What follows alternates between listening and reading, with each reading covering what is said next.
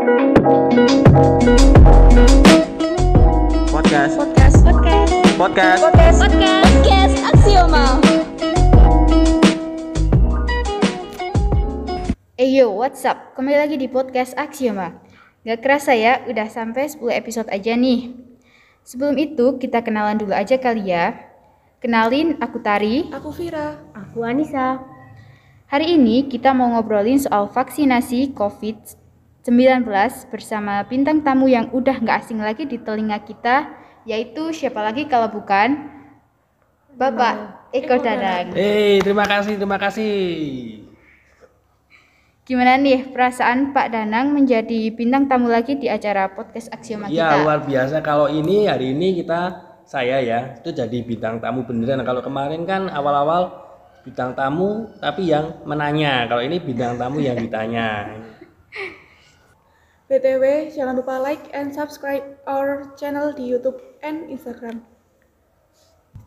Karena subscribe and like itu gratis. Ngomong-ngomong nih, kalian udah pada vaksin belum sih?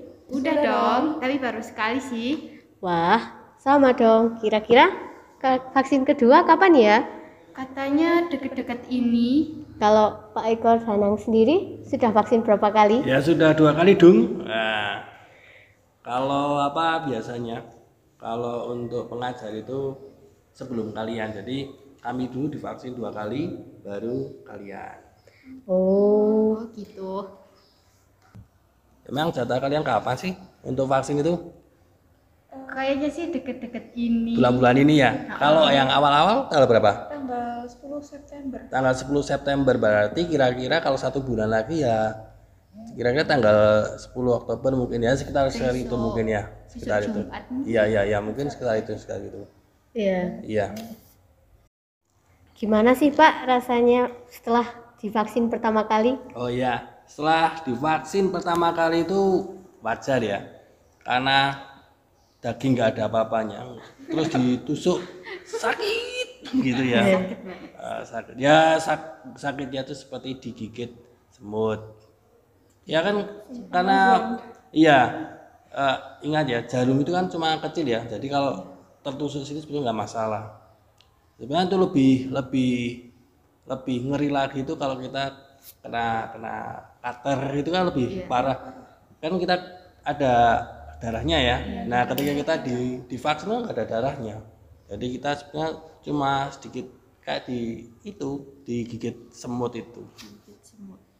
Kalau Vina gimana kemarin pengalamannya gimana Pengalamannya ya awalnya sih deg-degan ya.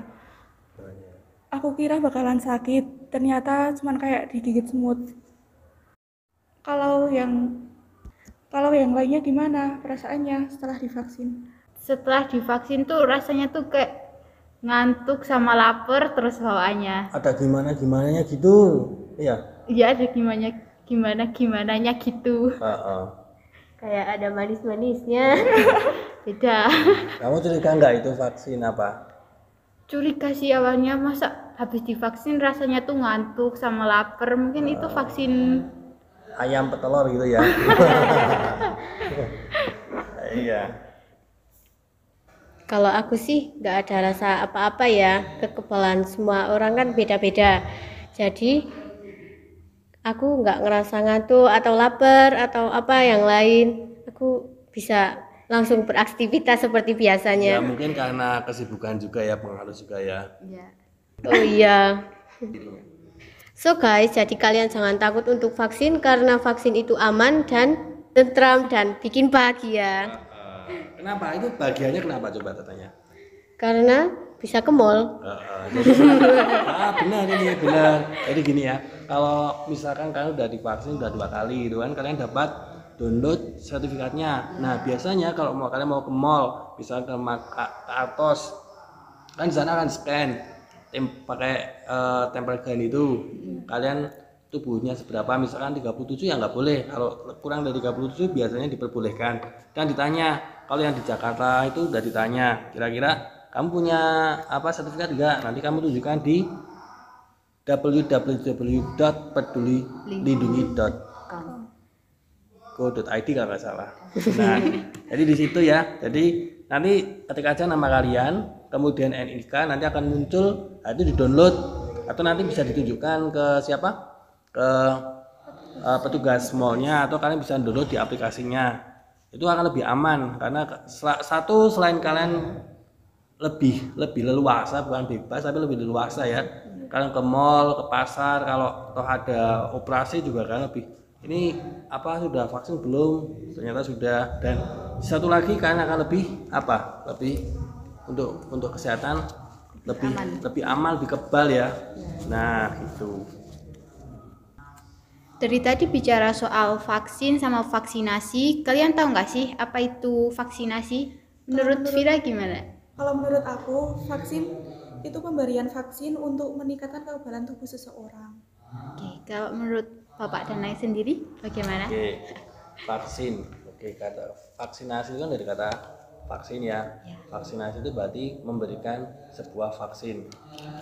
Menyuntikkan sebuah vaksin ke dalam tubuh kita ya terutama biasanya yang divaksin itu di mana? Di, lengan, ya. lengan.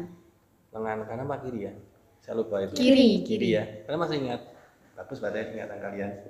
Nah Saya kan di belum tua. Oh, belum tua ya iya. Tapi saya udah tua ya. Iya apa apa sih. Nah vaksin itu apa? Vaksin itu adalah bibit. Ya kayak apa ya kok bibit? Kayak penyakit tapi yang kayak virus tapi yang sudah dilemahkan gitu loh. Jadi fungsinya vaksin itu supaya jadi gini ceritanya sih sederhananya tubuh kita itu punya tentara, darah kita itu punya tentara. Tentara itu mau kuat apa enggak kan tergantung sama pelatihan kan. Nah, sama pengenalan medan kan. Virus itu musuh kita. Ketika virus itu masuk ke dalam tubuh, tentara kita balik nyerang enggak? Logikanya. Nyerang. Nyerang kan? Iya. Nah, ketika serangan itu terjadi, mungkin ada ledakan dan lain-lain, mungkin kita jadi pilek ya, sentrap, sentrup, sentrap, sentrup.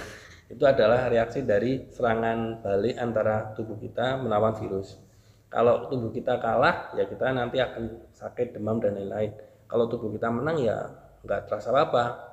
Nah, eh, tapi tentara itu bisa mengenali musuh itu apabila apa?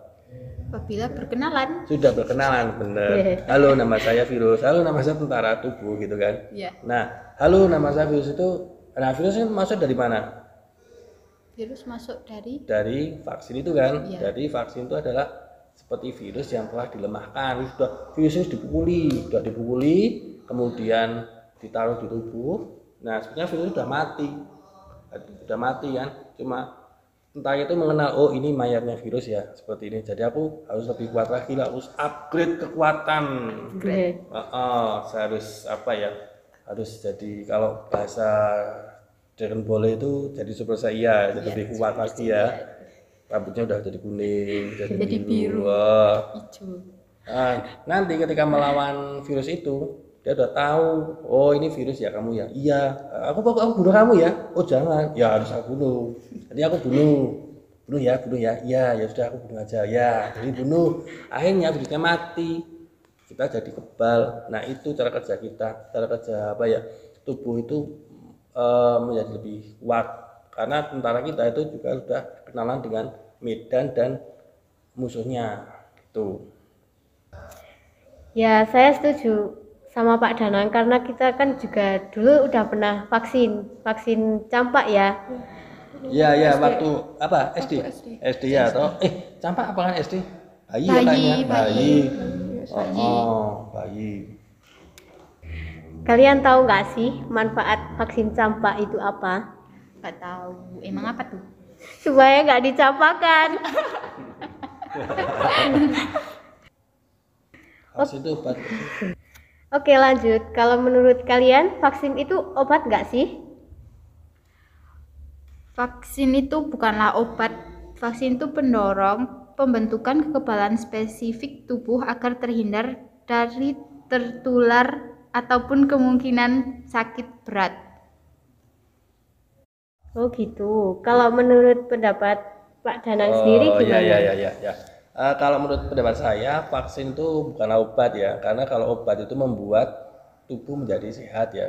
Itu ya kalau prinsipnya sama. Cuma setahu saya vaksin itu seperti bibit atau virus yang yang sudah di tadi itu sudah dikebukin ya. Jadi virus itu dikebukin supaya dia nggak bisa menyerang. Nah fungsinya cuma buat mengenalkan aja dengan apa kekebalan tubuh kita. Supaya tubuh kita itu bisa upgrade.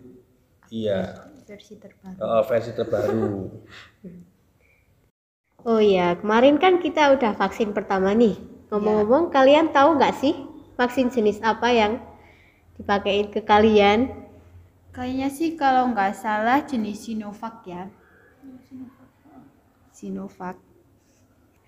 Baik, jadi ngomong-ngomong masalah vaksin itu yang masuk di Indonesia itu ada beberapa sebenarnya. Salah satunya adalah Sinovac atau Coronavac, kemudian apa lagi?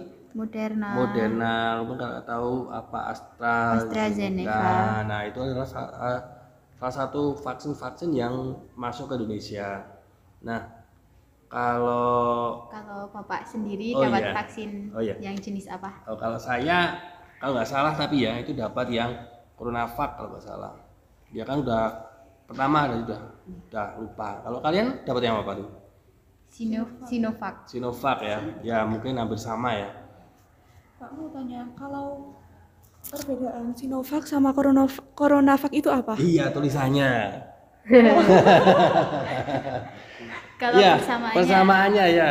Saya bahas persamaannya aja. Kalau persamaannya sih eh, sama-sama udah nggak aktif ya. Jadi jadinya gini seperti eh, apa ya? Kalau dulu pernah baca di artikel ya, kalau dilansir dari situs-situs di internet itu eh, Indonesia itu telah mengolah Coronavac itu sebenarnya eh, merupakan vaksin Sinovac juga. Cuma perbedaannya apa? Pada kemasannya. Jadi ya tulisannya itu memang diketahui memang ada tiga kemasan vaksin COVID-19 dari Sinovac yang berbeda-beda.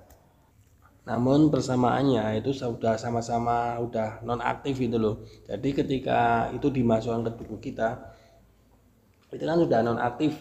Jadi itu akan membantu tubuh kita untuk mendapatkan kekebalan di mana eh, pada intinya dia sudah nggak bisa berkutik lagi. Nah, sehingga tubuh kita karena sudah berkenalan, jadi akan lebih kebal dengan virus tersebut. Oke, kayaknya dari tadi tegang mulu. Oke, sekarang kita masuk ke sesi Mitos atau fakta? Mitos atau fakta nih bahwa vaksin COVID-19 akan mengubah DNA. Menurut kalian Mitos. mitos? Alasannya apa? Vaksin COVID-19 tidak mengubah DNA dengan cara apa pun, sehingga tidak benar jika vaksin dapat mengubah DNA. Baik vaksin maupun vektor virus COVID-19 mengirim instruksi ke sel untuk membangun perlindungan terhadap suatu virus. Mm-mm, materi genetik itu ya. Ya. Ini nggak akan mengubah eh, DNA kalian. Yo, tapi eh, apa ya? Materi genetik tidak akan pernah memasuki inti sel sehingga merupakan eh, inti sel itu tempat di mana DNA itu tersimpan. Itu ya. Iya. Yo, sekarang giliran aku yang tanya ya. Menurut kalian eh yang sudah pernah terinfeksi COVID itu tidak perlu divaksin. Menurut kalian gimana? Ini mitos atau fakta? Mitos. Loh, alasannya kenapa? Faktanya gimana? Karena virus tersebut masih bisa bermutasi menjadi lebih kuat. Oh, lebih kuat ya. Heeh. Mereka juga latihan ya untuk menyerang tentara. Oke, ada yang pendapat lain? Karena kekebalan alami mungkin terlalu bertahan lama. Kurang bertahan lama gitu mungkin ya. Kurang bertahan lama. Yuk, ada pendapat lain nggak? Karena yang pernah terkena virus belum tentu tidak akan terpapar virus lagi. Adi. Jadi, Mm-mm. Jadi jadi belum jadi yang sudah terkena virus. Ya, jadi nggak ada jaminan ya yang sudah kena virus, sudah terkena jadi korban COVID-19 itu besok udah kebal. Artinya mereka juga harus mengupgrade ya. Saya juga setuju dengan pendapat kalian. Yang satu karena virus itu bermutasi gitu ya. Iya. Iya, ya sama sih dengan tubuh kita juga juga mengupgrade diri. Dia juga mengupgrade diri, tapi semoga tubuh kita dengan adanya vaksin itu kita lebih kuat. Jadi vaksin yang apa vaksin virus yang masuk ke tubuh kita itu sudah langsung dihancurkan sama tubuh kita, tentara-tentara kita. Gitu ya. Kalau kekebalan alami bisa jadi sih karena kaitannya dengan upgrade upgrade virus itu ya. Iya. Oke guys, nggak kerasa ya, udah lama juga kita ngobrolin tentang vaksinasi COVID-19. Makasih buat teman-teman yang udah dengerin dan terima kasih juga buat Pak Danang yang bersedia Oke, menjadi sama-sama. bintang tamu podcast hari ini. iya, iya, iya. Maaf kalau ada salah kata. Tentunya nantikan podcast-podcast berikutnya yang lebih menarik dan lebih asik. Bagi yang belum like and subscribe our channel, jangan lupa setelah ini langsung like and subscribe karena like and subscribe itu gratis. Iya. Sampai jumpa lagi di podcast selanjutnya. Bye. Dadah.